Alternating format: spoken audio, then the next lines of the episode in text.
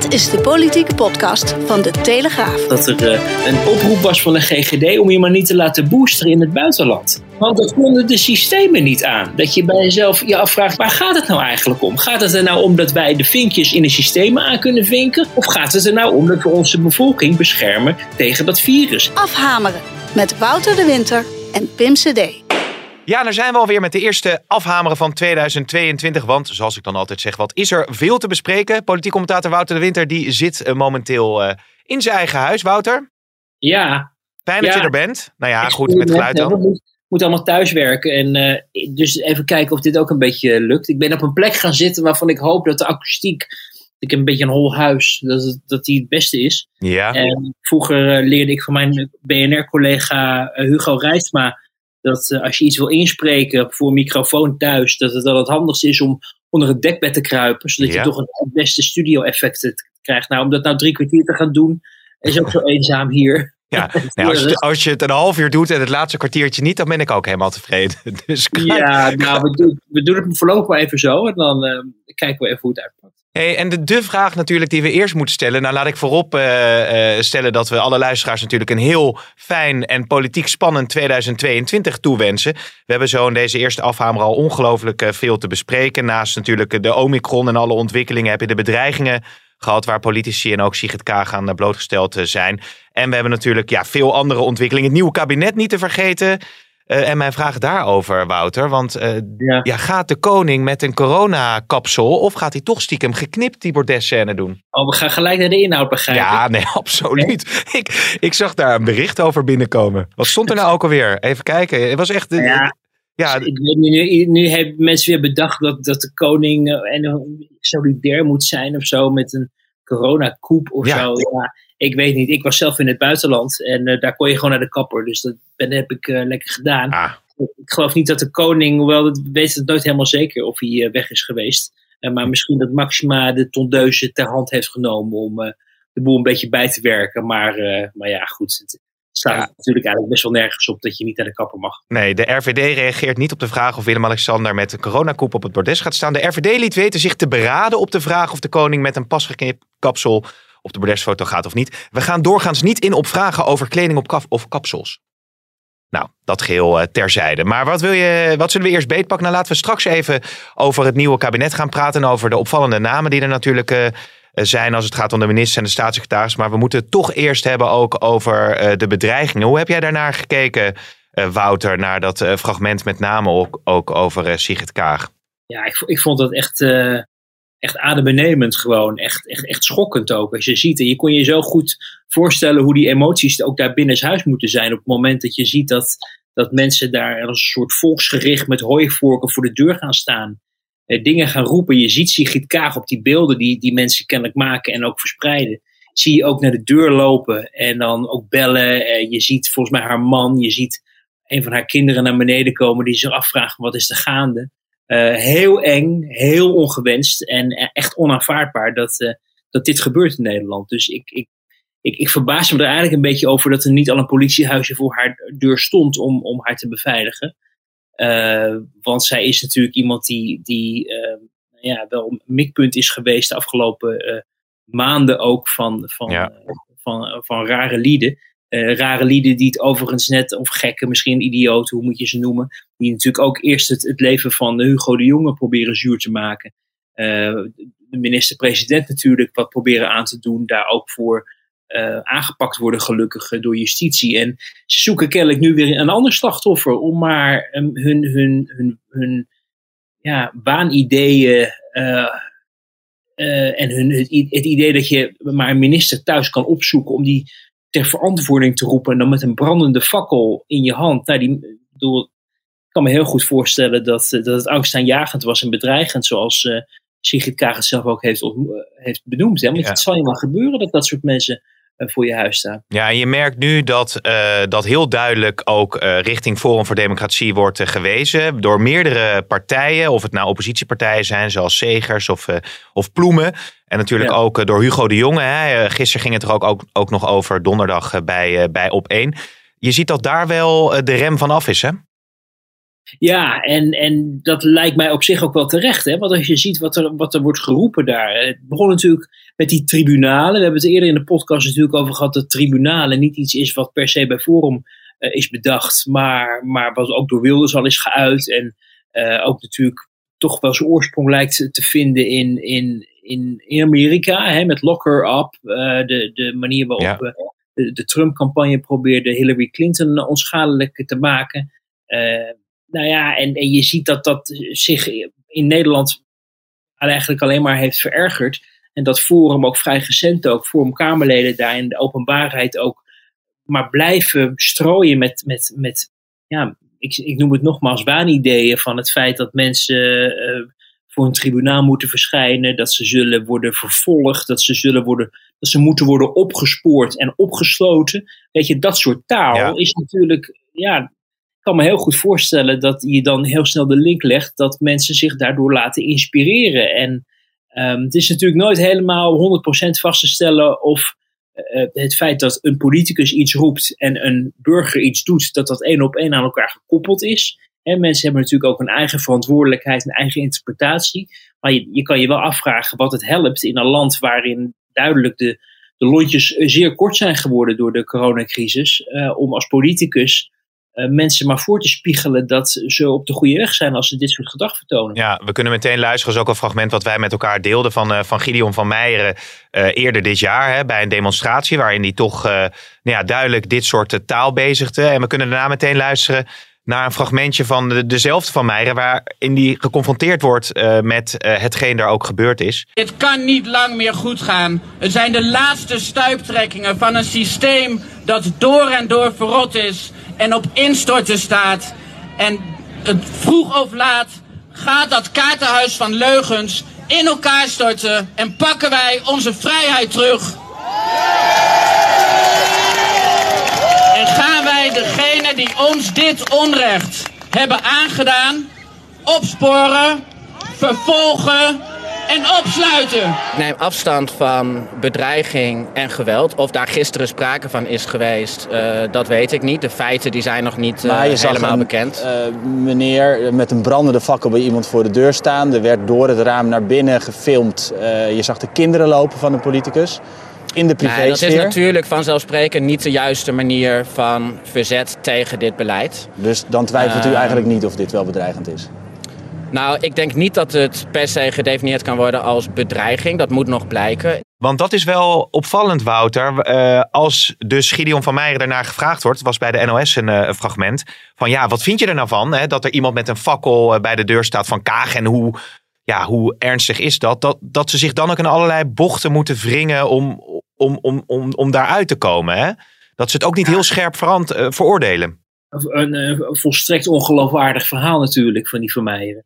En uh, ja, het, het, het, ik vraag me dan altijd zo af van, god, zo iemand zal toch ook wel familie hebben of, of vrienden of, of, of, ouders die dan zien hoe, hoe, hoe zo iemand zich dan uit om het, om het onuitlegbare uh, proberen weg te wuiven of te ontkennen. Uh, ja, ik, ik, ik vind het heel merkwaardig. En ook, het verbaast me ook wel als je ziet ook dat natuurlijk Thierry Baudet, de partijleider zelf ook een tijdje geleden is geconfronteerd met eveneens wanstaltige uh, uh, acties van ja. mensen die proberen om in zijn persoonlijke levenssfeer uh, te intimideren. Hè? Dus je zou toch moeten, ja, hopelijk met z'n allen in Den Haag, met die politici, moeten bedenken van we moeten het wel op, over de inhoud blijven hebben. Hè? Het klinkt een beetje tuttig misschien, maar niet zo persoonlijk maken. Zeker niet de persoonlijke levenssfeer het is ook de omgeving van, van, van politici die eveneens leidt onder die bedreiging en intimidatie. Ik had het net al even over hoe de reacties dan in het gezin van, van Kaag waren.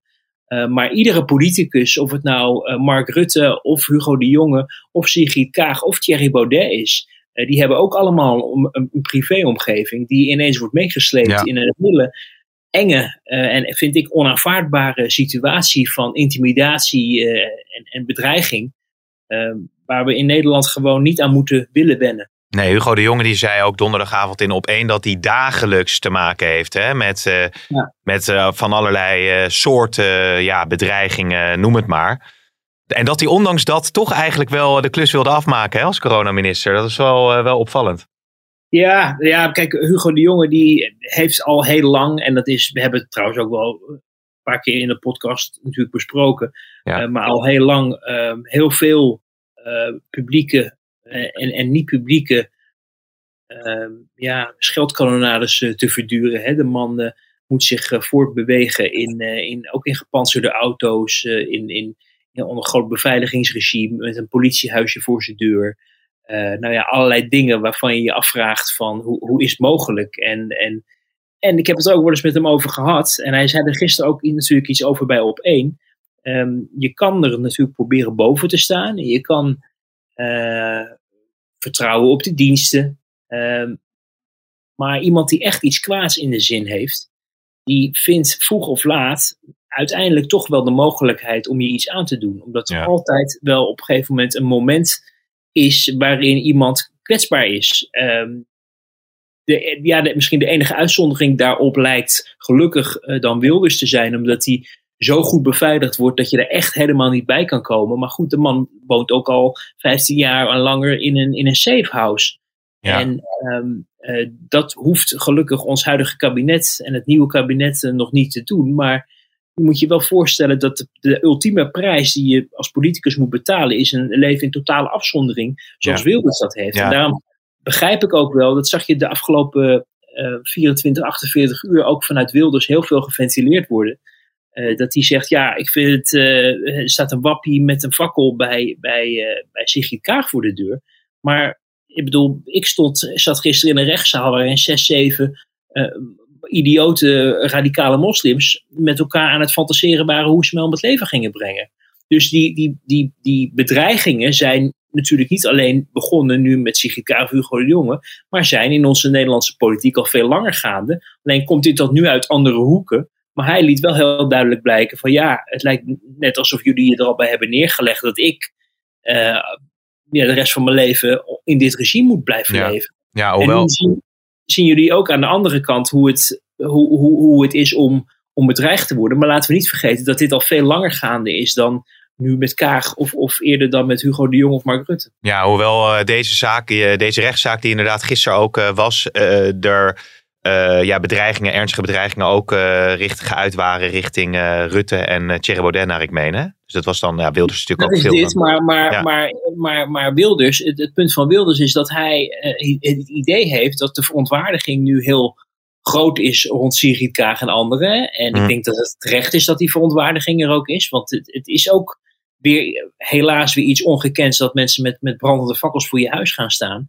Alleen eh, iets wat we ons denk ik allemaal, en, en ook in de journalistiek, maar ook in de politiek en in de samenleving moeten, vind ik, blijven realiseren, is dat we nog, al, nog steeds in een land leven waar een volksvertegenwoordiger, eh, namelijk Geert Wilders, al meer dan 15 jaar in, in een krankzinnig regime leeft. Ja. Waarin hij eh, niet meer vrij over straat kan, waarin hij voortdurend wordt geschaduwd. Ik heb, ik heb de, de kans als, als journalist om hem met enige regelmaat ook gewoon te spreken op zijn kamer in, in, in het parlementsgebouw. En de beveiliging is heel strikt. En dat wens je niemand toe. En, en we zijn bijna vergeten met z'n allen dat, eh, dat, het, dat ook Wilders, om datgene wat hij zegt en wat hij vindt, eh, in, een, in een hele dreigende situatie is al heel lang. Ja, Uh, ja. waardoor, we dus, waardoor ik dus helemaal niet wil afdoen aan het idiote wat er is Nee. gebeurd met Sigrid Kaag. Maar wel probeer aan te. Het viel mij op dat Wilders namelijk heel erg daar de afgelopen 48 uur op aan het hameren is. Van hallo, eh, zien jullie dat het bij mij al heel lang eh, dit gaat? Ja, ja. Wouter, misschien een beetje een lastig punt. Hè? Maar zou je politici ook ehm, ergens eh, kunnen aanspreken op het feit dat we in Nederland nu in een soort in een lastige situatie zitten tussen gevaccineerd, niet gevaccineerd, misschien het gebrek aan duidelijke maatregelen die er genomen worden en dat dat ook leidt tot een ja, onprettiger klimaat? Nou, ik, ik, je, je zag, vond ik, eh, tot een paar maanden geleden eh, heel veel rumoer uit de hoeken van mensen eh, die niet gevaccineerd zijn of zich niet willen laten vaccineren. Eh, waarin ik overigens niet, zeker niet iedereen over een kam wil scheren. Hè? Want we moeten nu niet doen alsof mensen die zich niet laten vaccineren automatisch een wappie zijn of zo. Want dat zijn echt een heleboel weldenkende mensen die om hun moverende redenen er niet aan willen. Of principiële redenen, wat dan ook. Eh, maar in die groep zitten ook eh, gekken. Dat is, mogen duidelijk zijn. Ja, Um, en die gekken, die laten zich op dit moment gelden. En daar heeft Sigrid Kaag, Hugo de Jonge, last van. En, en ik denk ook nog wel meer Nederlanders op dit moment. Ehm, wat je, vind ik, de, politiek in algemene zin wel kan verwijten. En daar, daar ja, hinten Hugo de Jonge natuurlijk ook op. Hè. Die, je snapt natuurlijk dat als minister van Volksgezondheid um, ja, de zorg voldraagt om de, de, volksgezondheid in Nederland op peil te houden. En vanuit dat perspectief weinig begrip kan opbrengen voor mensen die zich niet laten vaccineren door een gratis vaccin. En nou ja, het feit dat de statistieken aangeven dat mensen die zich niet laten vaccineren zeer vatbaar zijn voor, was het eerste Delta-variant en is het nu de Omicron-variant. En dus in het ziekenhuis kunnen belanden, ernstig ziek kunnen worden of, of dood te gaan, dat die kans gewoon groter is, kan je vanuit zijn perspectief ook begrijpen dat hij daar uh, op hamert. Um, maar waar hij ook op hint, en ik denk dat hij daar ook een, een terecht punt heeft, is dat we natuurlijk hebben gezien de afgelopen tijd in het parlement dat dat parlement heel terughoudend is met het bespreken van maatregelen die ook die groep eh, tegen hen in het harnas kan jagen. Hè. Daar wordt heel snel met grondrechten geschermd. Mhm. Grondrechten om kennelijk naar de bioscoop te kunnen of, of, of wat dan ook, of naar de horeca. En dat het, nou ja, het einde der tijden ongeveer is als er een selectie wordt gemaakt. Uh, Als je bijvoorbeeld naar de horeca wil, tussen mensen die extra groot risico lopen voor zichzelf en mensen die zichzelf hebben kunnen beschermen vanwege het vaccin. En dat is een heel gevoelig punt en mensen zijn daar heel erg uh, emotioneel over. Maar die emotie van vooral de niet gevaccineerde groep lijkt ook in Den Haag uh, toch dominant te zijn in de besluitvorming. En op het moment dat er in Den Haag gesproken moet worden over verscherpte maatregelen, die ons misschien nu, misschien over een paar weken, uh, toch weer uit die lockdown moeten loodsen. Waarin je toch zo een, een, een modus zal moeten vinden. Waarin mensen die kwetsbaar zijn en kwetsbaar blijven, omdat ze zich niet laten vaccineren of omdat ze onderliggend lijden hebben of wat dan ook, beschermt. Uh, maar tegelijkertijd mensen die minder risico lopen, uh, vrijheden gunt die ze volgens mij ook willen en, en, en eigenlijk recht op hebben. En, en je ziet dat Den Haag bij die discussie eigenlijk al heel lang aan het weglopen is. En er mhm. wordt polonaise gelopen op het moment dat ze kunnen, kunnen afdwingen dat je dan geen coronapas hoeft te laten zien als je je kind langs het uh, voetbalveld wil aanmoedigen. En nou, dat gaat dan, dat was dan de conclusie van een heel coronadebat. Maar de vraag is natuurlijk, moeten niet veel fundamentelere discussies worden gevoerd over of dit of we, of we het normaal vinden dat we in ieder, in ieder geval nu als enige land in Europa de boel volledig op slot hebben gegooid. Terwijl je in ons omringende landen, maar ook bijvoorbeeld in de Verenigde Staten, ziet dat mensen daar wel met corona leren leven. Uh, alleen daar op een andere manier ermee omgaan, waardoor mensen toch een normaler leven kunnen leiden dan hier. Ja, dat is exact het punt wat ik ook probeerde te maken. Want ik ben dan net in, uh, in Berlijn geweest. En ja, jij, jij, ik kan me dat nog herinneren toen jij ook in Duitsland uh, was geweest voor staatsbezoek, naar ik meen. Ja, Maar ik vind het verschil echt echt stunning. Eh, als je, als je daar met je kinderen gewoon een horecatent in wil, dan is het gewoon 2G, punt. Je wordt streng gecontroleerd, je moet je legitimeren, je moet je herstelbewijs laten zien. Kinderen moeten ook getest uh, zijn of hersteld. En aan de andere kant zie je ook werkelijk op elke straathoek zie je een uh, gratis coronatestmogelijkheid. Dat is dan weer ook voor het openbaar vervoer onder andere, omdat dat dan weer 3G is. En je ziet dat, dat, dat, dat die stad wel functioneert en dat uh, horeca en alles uh, dus wel open is. En dan denk ik toch van ja, hoe kan dat dat je nu in Nederland nog steeds in die discussie gevangen zit tussen wat moeten we nou eigenlijk doen, hoe ver kunnen we gaan ten opzichte van ongevaccineerden. En wat mijn punt eigenlijk is, is van ja, leidt die ongewisheid ook niet tot, tot verdere polarisatie wellicht en ongenoegen ook binnen de samenleving? Nou ja, tot nu toe zie ik nog niet het grote massale uh, verzet en de verontwaardiging vanuit die overgrote groep Nederlanders die zich heeft laten vaccineren, nee. laat boosteren of wat dan ook. Je ziet dat, dat vooral uh, het, het, het ongenoegen wordt geuit door, door mensen die uh, zich niet willen laten vaccineren. of door mensen, en dat snap ik ook wel weer, die zich langzamerhand beginnen af te vragen van ja, ik heb me laten vaccineren. Vervolgens is daar uit, alsnog weer een lockdown uh, tegenovergesteld. Nu moet ik me laten boosteren zonder dat ik weet wat er eigenlijk, behalve dan dat men, mij wordt verteld dat ik me beter weet te beschermen. Maar wat er nou uiteindelijk uit voortkomt, hè, krijg ik dan straks wel weer de vrijheden terug of niet? Uh, bedoel, dat zorgt wel bij onzekerheid ja. bij mensen die volgens mij de, hele, de, de stemming in de hele samenleving beheerst.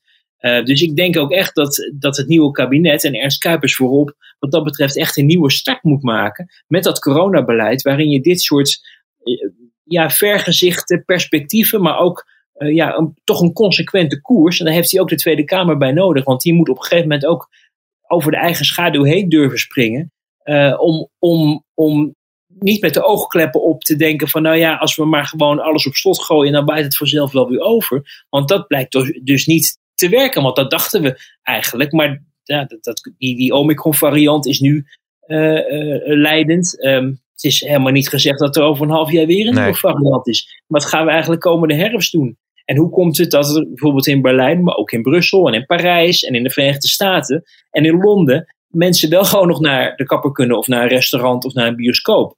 Uh, het gekke is dat wij dus allemaal politici hebben ook, uh, of ze nou in de Tweede Kamer zitten of in het kabinet, die deze kerstvakantie ook allemaal, niet allemaal, maar een groot deel natuurlijk de grens over is gegaan. Met gezin. Want ja, het was toch wel fijn dat je op Gran Canaria ja. of in Rome of in Berlijn of in, op, in Parijs wel een normaal leven kon leiden.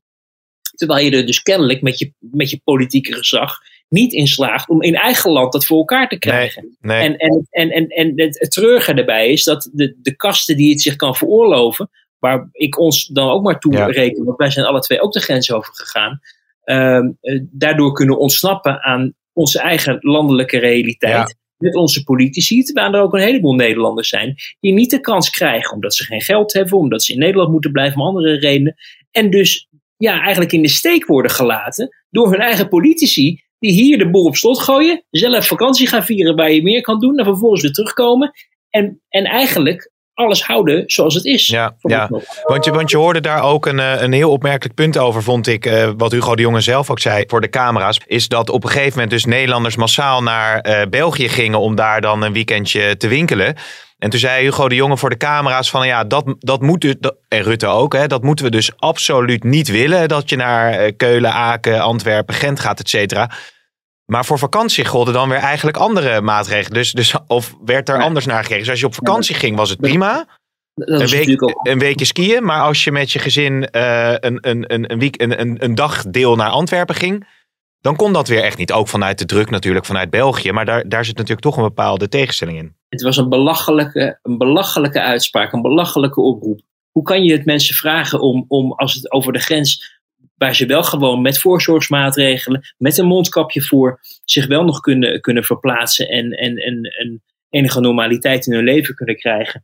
Uh, en, dan, je, en dan je eigen bevolking oproepen om dat maar niet te doen of zo. Alsof je, terwijl, doe, laten we wel wezen, en de reden waarom we deze in deze lockdown zitten, voor een belangrijk deel te danken hebben aan het feit dat Den Haag de zaakjes niet op orde had. Niet met de ziekenhuiscapaciteit, niet met de boostercampagne, niet met het communicatiebeleid. Allemaal dingen die je echt Den Haag kan aanrekenen. En dan gaat dat Den Haag de bevolking kwalijk nemen, dat die uitwegen zoeken, omdat ze denken, ja, elders kan het wel. Als we ons daar netjes gedragen, moeten we gewoon normaal leven kunnen leiden. Dat doen we. En dan krijgen ze vervolgens te horen van de overheid: nee, blijft u maar lekker thuis. Ik vond ook zo'n voorbeeld. Ik, ik wil daar dinsdag ook in mijn column iets over schrijven.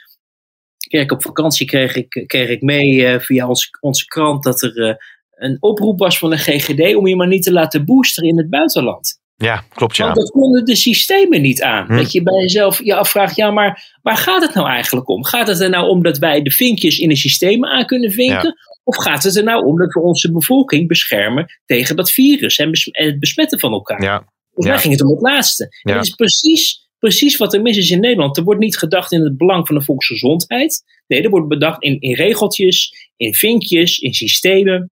Met alle gevolgen van die. Ja, het is zelfs zo dat volgens mij uh, nou ja, ook mensen in mijn nabije omgeving zich hebben laten boosteren. Terwijl ze uh, vrij recent ook corona hadden gehad. Omdat in het begin. En dan kun je zeggen van dat moet je allemaal. Dat, dat kun je jezelf ook beredeneren. Hè? Dat als je corona hebt gehad, dan heb je antistoffen in je lichaam. Dus hoef je niet te boosteren. Maar aan de andere kant kwam er natuurlijk vanuit bepaalde landen, de, uh, Oostenrijk met name, de, de, de eis om je te laten boosteren. Het was nog even schimmig hoe dat nou precies zat. En toen hebben mensen zich dus laten boosteren, omdat je dan maar dat groene vinkje had. En dus in de Oosten, auto naar Oostenrijk uh, ja. kunt rijden. Terwijl het ja. voor de gezondheid helemaal geen toegevoegde waarde heeft. Dat werd later dan wel duidelijk. Maar dat geeft ook wel aan hoe de stemming in het land eh, was eh, wat, eh, wat dat betreft. Maar aan Ernst Kuipers is het in ieder geval om het allemaal in goede banen te leiden. in de regen mocht hij al zijn eerste woordje tot de pers richten. Verwacht jij van Kuipers inderdaad dat hij wel in staat zal zijn om dat, dat, dat enorm lastige, laten we dat ook zeggen, coronadossier meer vlot te trekken?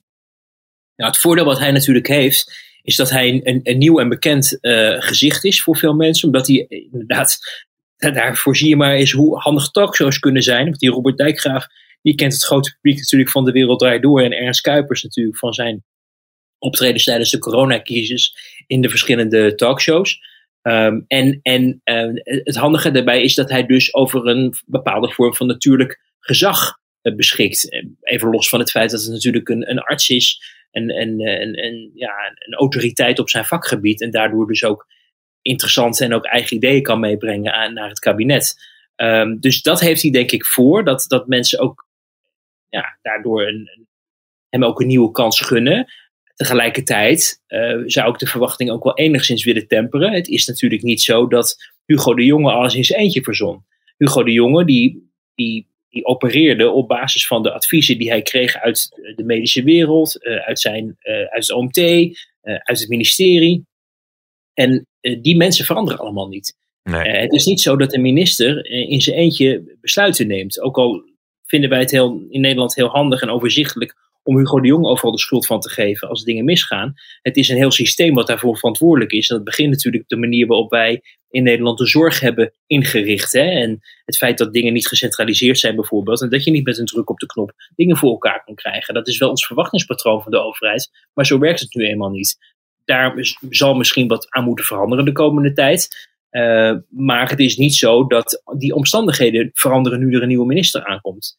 Uh, daarom verbaasde ik me ook wel een beetje over toen ik uh, Ernst Kuipers hoorde zeggen van ja, we moeten met z'n allen aan een toekomstplan werken of zo. Dan denk ik ja, maar wie is dan eigenlijk met z'n allen? Hè? Is dat dan uh, de bevolking? De bevolking is tot nu toe zeer afhankelijk van de grillen van Den Haag. En, en leidt ook onder de consequenties van besluiteloosheid. Het gaat erom de manier waarop Den Haag zelf omgaat. kabinet, maar ook Kamer uh, met het feit dat we in een pandemie zitten die misschien wel oneindig is. En waar je dus maatregelen zal moeten nemen.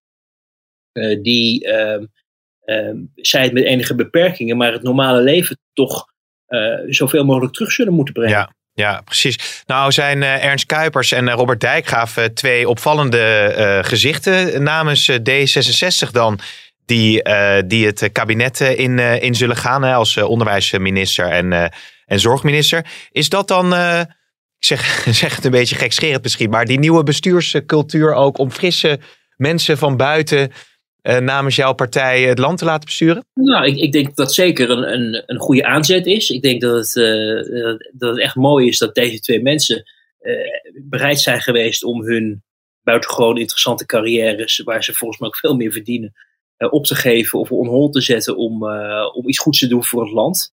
Ik denk dat we daar gewoon in principe blij mee mogen zijn.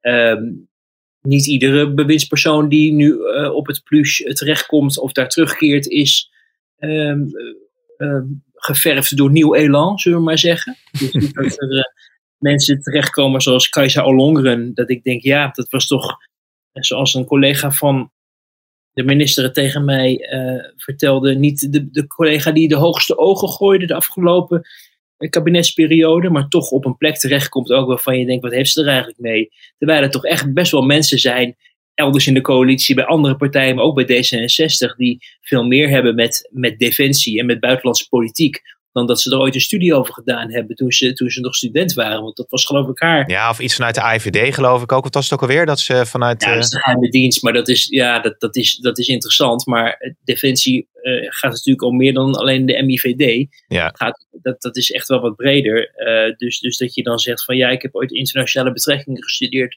Dus deze baan is me op het lijf geschreven. Nou, dat vond ik allemaal wel een beetje overdreven. Uh, maar goed, dat, dat is op zich voor een kabinet niet heel ongebruikelijk. Dat er mensen om andere redenen dan om hun expertise op plekken terechtkomen. Soms is het loyaliteit die beloond wordt. Kijk naar Mark Harbers bijvoorbeeld, minister van Infrastructuur en Waterstaat.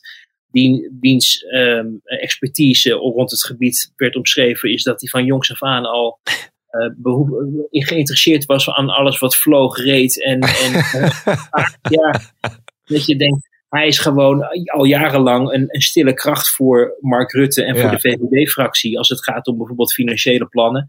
Uh, iemand die redelijk mediaschuw is, maar, maar wel uh, iets, iemand is waar men op leunt. Uh, iemand die is afgetreden omdat het op het asieldossier onder hem helemaal ontspoorde. en, en zijn eigen ambtenaren hem kennelijk niet de waarheid vertelden. Hm. Dan neemt hij verantwoordelijkheid. en dat vinden ze dan in de, in de, partij mooi. Want dan kunnen ze vervolgens zeggen: ja, hij heeft heel netjes verantwoordelijkheid genomen. Dus aan hem, hem treft geen blaam meer. En ja. nu wordt hij beloond met een ministerschap voor, uh, voor infrastructuur. Nou ja, Kajsa Ollongren was naast Sigrid Kaag de enige vrouw nog. De rest zijn mannen natuurlijk van de ministers van D66. Dus dat kan ook weer een rol hebben gespeeld. Diversiteit is toch iets wat, waar, waar, je, waar je bij D66 mee thuis wil komen. Um, ja. zo zie je voor allerlei partijen, ook bij de VVD zie je dat er uit allerlei vaatjes is getapt van verschillende plekken in de partij. Hè. Mensen, er is een gedeputeerde, er is een, een, uh, zijn twee oude bewindspersonen of zittende bewindspersonen. Er is iemand uit de Tweede Kamer, er is iemand uit de Senaat, er is iemand uit het Europarlement. Zo heeft Rutte gedacht, als ik uit, over, uit alle geledingen van, van de partij en bestuurlijk VVD en de partijvoorzitter notabene in het kabinet zet, dan heb ik eigenlijk alle uh, ja, zaken een beetje bediend en probeer ik er zo divers mogelijk uh, beeld te laten zien. Even los van het feit dat hij ook heel veel vrouwen zocht natuurlijk eh, dit, dit keer. Ja. Dus er zijn allerlei verschillende achtergronden. Maar ik, ik vind oprecht dat, dat, dat je met Kuipers en Dijkgraaf in ieder geval een hele duidelijke poging doet om, om nieuw elan te brengen in de Nederlandse politiek. Ja, maar als je naar de hele ploeg kijkt, krijg je natuurlijk maandag die Bordes-scène. Wat, wat, wat zijn dan de, de, de meevallers, tegenvallers of de opvallende namen verder waar, uh, waar je nog uh, wat over kwijt zou willen? Schiet je dan meteen iets te binnen? Um, nou, op klimaat is natuurlijk toch ook wel, uh, wel een hele mooie post voor hem.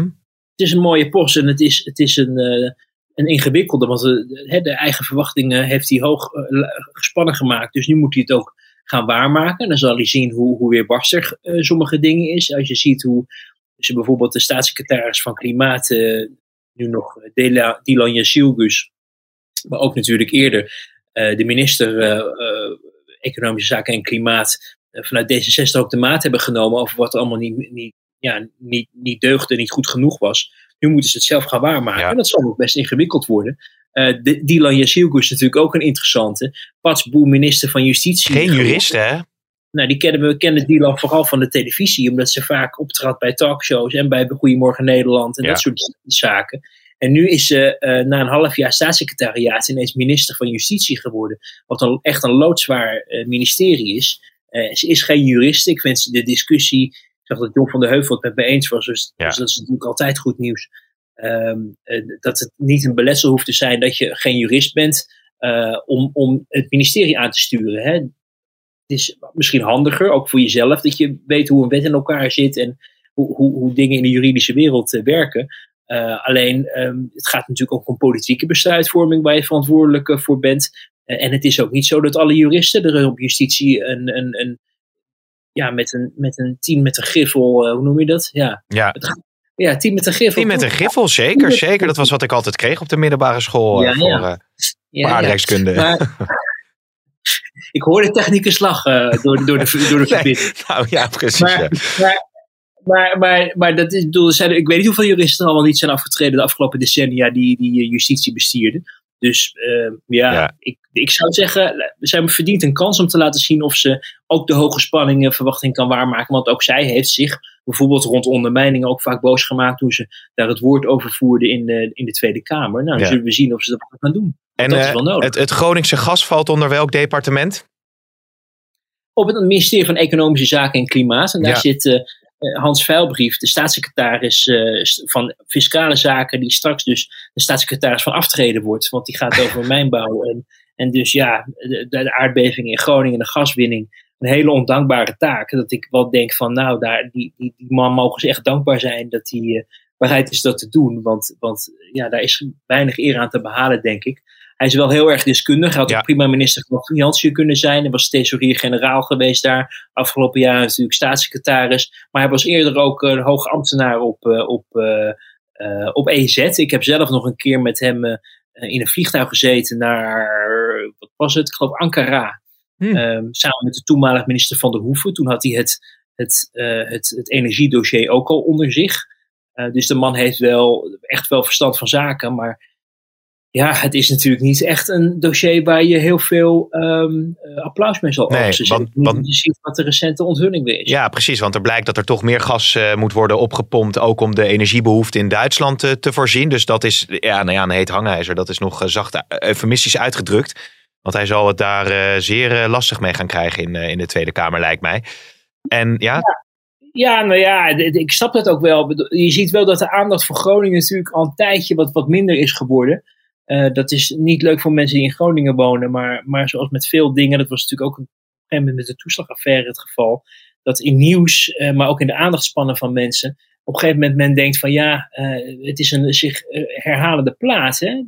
grijs gedraaid. Ehm, dit is wel weer iets nieuws, omdat hier echt heel duidelijk en, en, en, en iets wordt, wordt teruggedraaid wat min of meer al geregeld leek. Of in ieder geval Ja. zo beloofd was. Ik herinner me dat met Prinsjesdag eh, ook nog daar toch wel hoog van werd opgegeven van dat het kabinet toch vooral ging doorgaan met het afbouwen van de gaswinning. ja. En nu zie je dat er drie dagen voordat er een nieuw kabinet aantreedt, er ineens een bericht verschijnt van nou ja, we kunnen die belofte niet waarmaken. Eh buitengewoon eh, schokkend, ook op basis van argumentatie. Hè, Duitsland is één ding, maar ook dat de, de stikstoffabriek, eh, die, eh, of de, de, ja, de stikstoffabriek die dan nodig is om bijvoorbeeld Russisch gas te bewerken voor Nederlands gebruik, vanwege de, ja, dat heeft met, met hoog, hoog calogeen geloof ik te Mhm. maken, nou ja, achtergrond van het gas. Eh, dat is niet iets wat gisteren natuurlijk op de mat is gevallen. Dat is een proces wat je al maanden moet zien aankomen. Op het moment dat je denkt, de fabriek kan niet leveren op het moment dat we dat nodig hebben. ja, ja. Dus daar, daar, valt echt daar valt opheldering eh, voor te eisen. En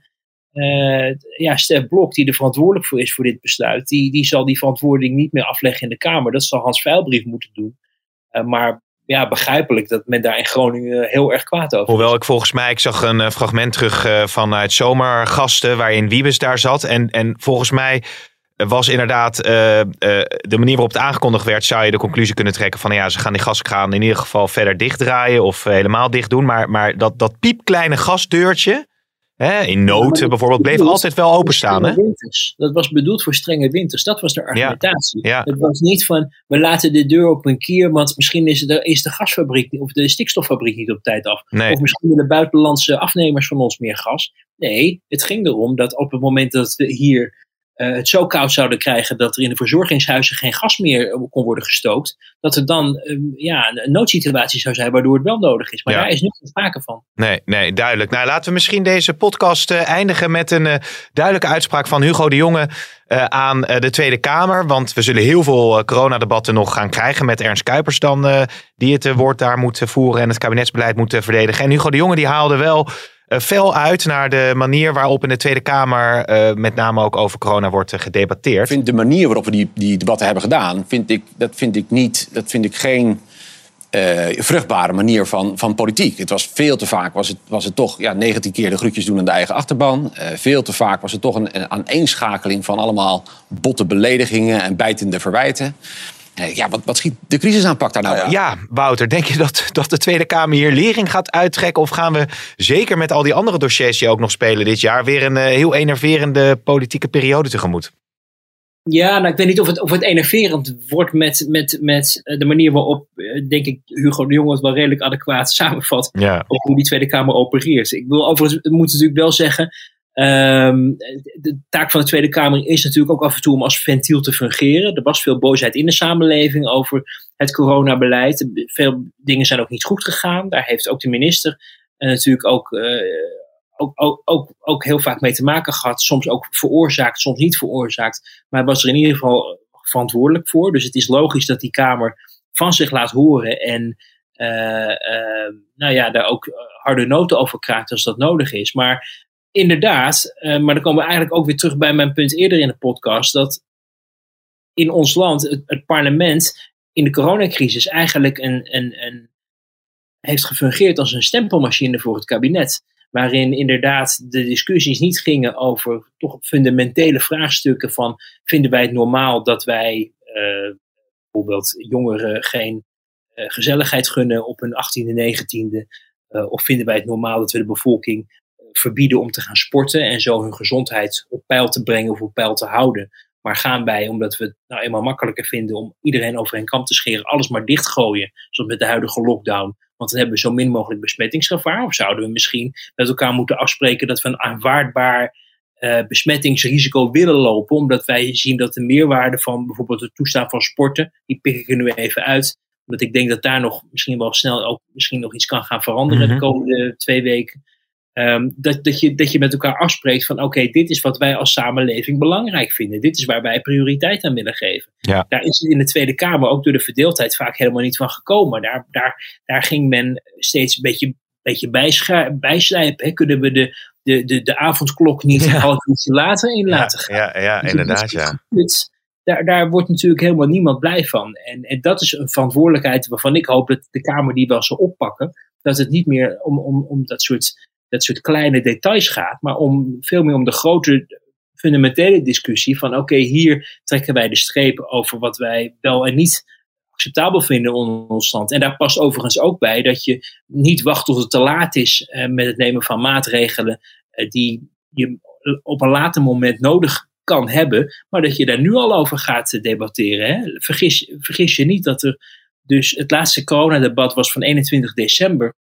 We krijgen nu de beëdiging van het kabinet. De komende week wordt er niet gedebatteerd in de Kamer op verzoek van de Kamer, omdat men zich wil voorbereiden op het debat van de regeringsverklaring. Wat betekent dat er op de dinsdag en de, en de woensdag na volgende week pas een debat is. En daarna wordt pas over corona. Dan zijn we bijna vier weken verder. Tja. Terwijl dat, alsof het coronavirus zich iets van het kerstreces aantrekt. Is, hele, is die hele Omicron-golf alweer voorbij tegen de tijd dat de Tweede Kamer erover gaat debatteren? Ja. Nee, dat, dat, zelfs dat weet je niet. Want als je, als je nu al ziet dat er bijvoorbeeld in de ziekenhuizen tekorten zijn, omdat mensen zich door ziekteverzuim, quarantainemaatregelen, besmettingen thuis moeten houden en ook met hun gezin, dan vallen gewoon gaten. Nu Ja. ook in, het, in, het, in de hele eh, belangrijke dienstverlening. Dus, dus er zou een, een hele fundamentele discussie nu al gevoerd moeten worden over, ja, moeten wij toestaan dat mensen misschien toch aan het werk gaan op het moment dat zij besmet zijn. Hè? Daar Ja. wordt nu vanuit Amsterdam wordt daarop aangedrongen. Dat soort discussies, die kunnen niet nog even vier weken wachten tot iedereen in Den Haag eh, Nee. de horloge weer gelijk Nee. heeft. Want je ziet ook in het buitenland, eh, dan gaan we rustig naar een afronding, want anders zitten we alweer dik op de, op de bonusminuut. Wat dat betreft werkt deze vorm van podcast opnemen ook eh, prima voor de bonusminuten. Maar je ziet ook in heel veel andere landen dat het, het verplicht vaccineren van zorgpersoneel, nou ja, Italië, Engeland, nou ja, noem het maar. Ja. Eigenlijk gewoon al lang is ingevoerd. Omdat je zegt, die mensen die moeten ten koste van alles gewoon hun werk kunnen blijven doen. En zo min mogelijk risico lopen dat ze op de intensive care terechtkomen. Dus dat die discussie in Nederland op die manier nog niet gevoerd is, Ja, maar toch ook wel opvallend. Dat, dat is een van die aspecten van, van eh, dat is maar steeds uitstel van executie. Hier, alsof dat hier niet nodig is. Als, als je het in al die landen hebt over vaccinatieplicht. Ik zeg niet dat ik voor een vaccinatieplicht ben, hè, maar er wordt in dit land, in het parlement, niet eens over gedebatteerd. Dat, is, dat is het erge. Er wordt gezegd, ja, dat willen we niet. En vervolgens is er een situatie dat. Eerst hebben we al geen IC-bedden. Nu hebben we niet eens de mensen die erbij kunnen Nee. staan. Bij IC-bedden die er wel zijn. Of, of die ook andere mensen kunnen helpen dan mensen die corona, met corona in het ziekenhuis liggen. De, de, ja, de fundamentele discussies daarover worden steeds uit de weg gegaan. En Ja. of het nou gaat om 2G of een vaccinatieplicht. eh, in, in andere landen wordt daar vrij rigoureus mee omgegaan. Ja, ja. Dat is een hele duidelijke keuze, die trouwens daar ook niet helemaal geaccepteerd wordt. Hè? Ik bedoel, wat Macron heeft gezegd, dat is natuurlijk ook niet in goede aarde gevallen. En Nee. Of, of Groot-Brittannië het vol gaat houden met de huidige manier en misschien ooit. Het openhouden van, inderdaad. Ja. Precies. Ik bedoel, ik zeg niet dat dat ideale situaties zijn, maar daar worden wel. eh, Daar, daar, daar heb je geen kerstrecessen. Is, Nee. is mijn indruk als het gaat om beleid maken. En, en tot slot, Wouter, wie wordt de nieuwe fractievoorzitter van D66? Eh, als ik nu een, een, een, een idee zou moeten geven, zou ik denken Jan Paternotte Ja. een goede kans maakt. Omdat hij, eh, merkte ik ook rond de D66-top eh, in de smaak was gevallen. Ook op zijn manier waarop hij de, de coronadiscussie aan durft te gaan. En eh, een van de weinigen is die ook zijn nek durft uit te steken. Dat hoorde je trouwens ook lof bij andere partijen. dat hij dat wel durft. Maar goed, vergis je niet, zo'n fractie zijn 24 mensen lid van. En daar kunnen ook andere dingen een rol spelen. Hè. Dat kan afgunst zijn, er kan persoonlijke hekel zijn aan mensen of eigen ambitie een rol spelen. Uh, de man is natuurlijk uh, uh, wit en, en, en hetero. Dus Ach, ja, ja, dat is wel. wel. gemaakt bij D66. Maar um, ja. Dat, dat, soort, dat soort aspecten kunnen ook een rol, zijn, een rol spelen. Maar ik denk wel dat hij een goede zou zijn. Omdat hij, denk ik, ook een mooi realistisch D66 geluid kan verkondigen. Ten opzichte van de misschien wat meer ja, radicalere hemelbestormers. Ja. Uh, maar het is meer een uh, persoonlijke observatie. En nou zit ik aan, deze, aan het slot van deze podcast aan alle witte hetero mannen die hoge functies hebben bij D66 te denken. Dus zo kunnen we eruit gaan. Richting volgende week, Wouter. Fijn om deze podcast weer te mogen opnemen met jou. En ik en zie jou hopelijk snel weer. In de studio, hopelijk. Oké, okay, dank Wouter. Tot snel.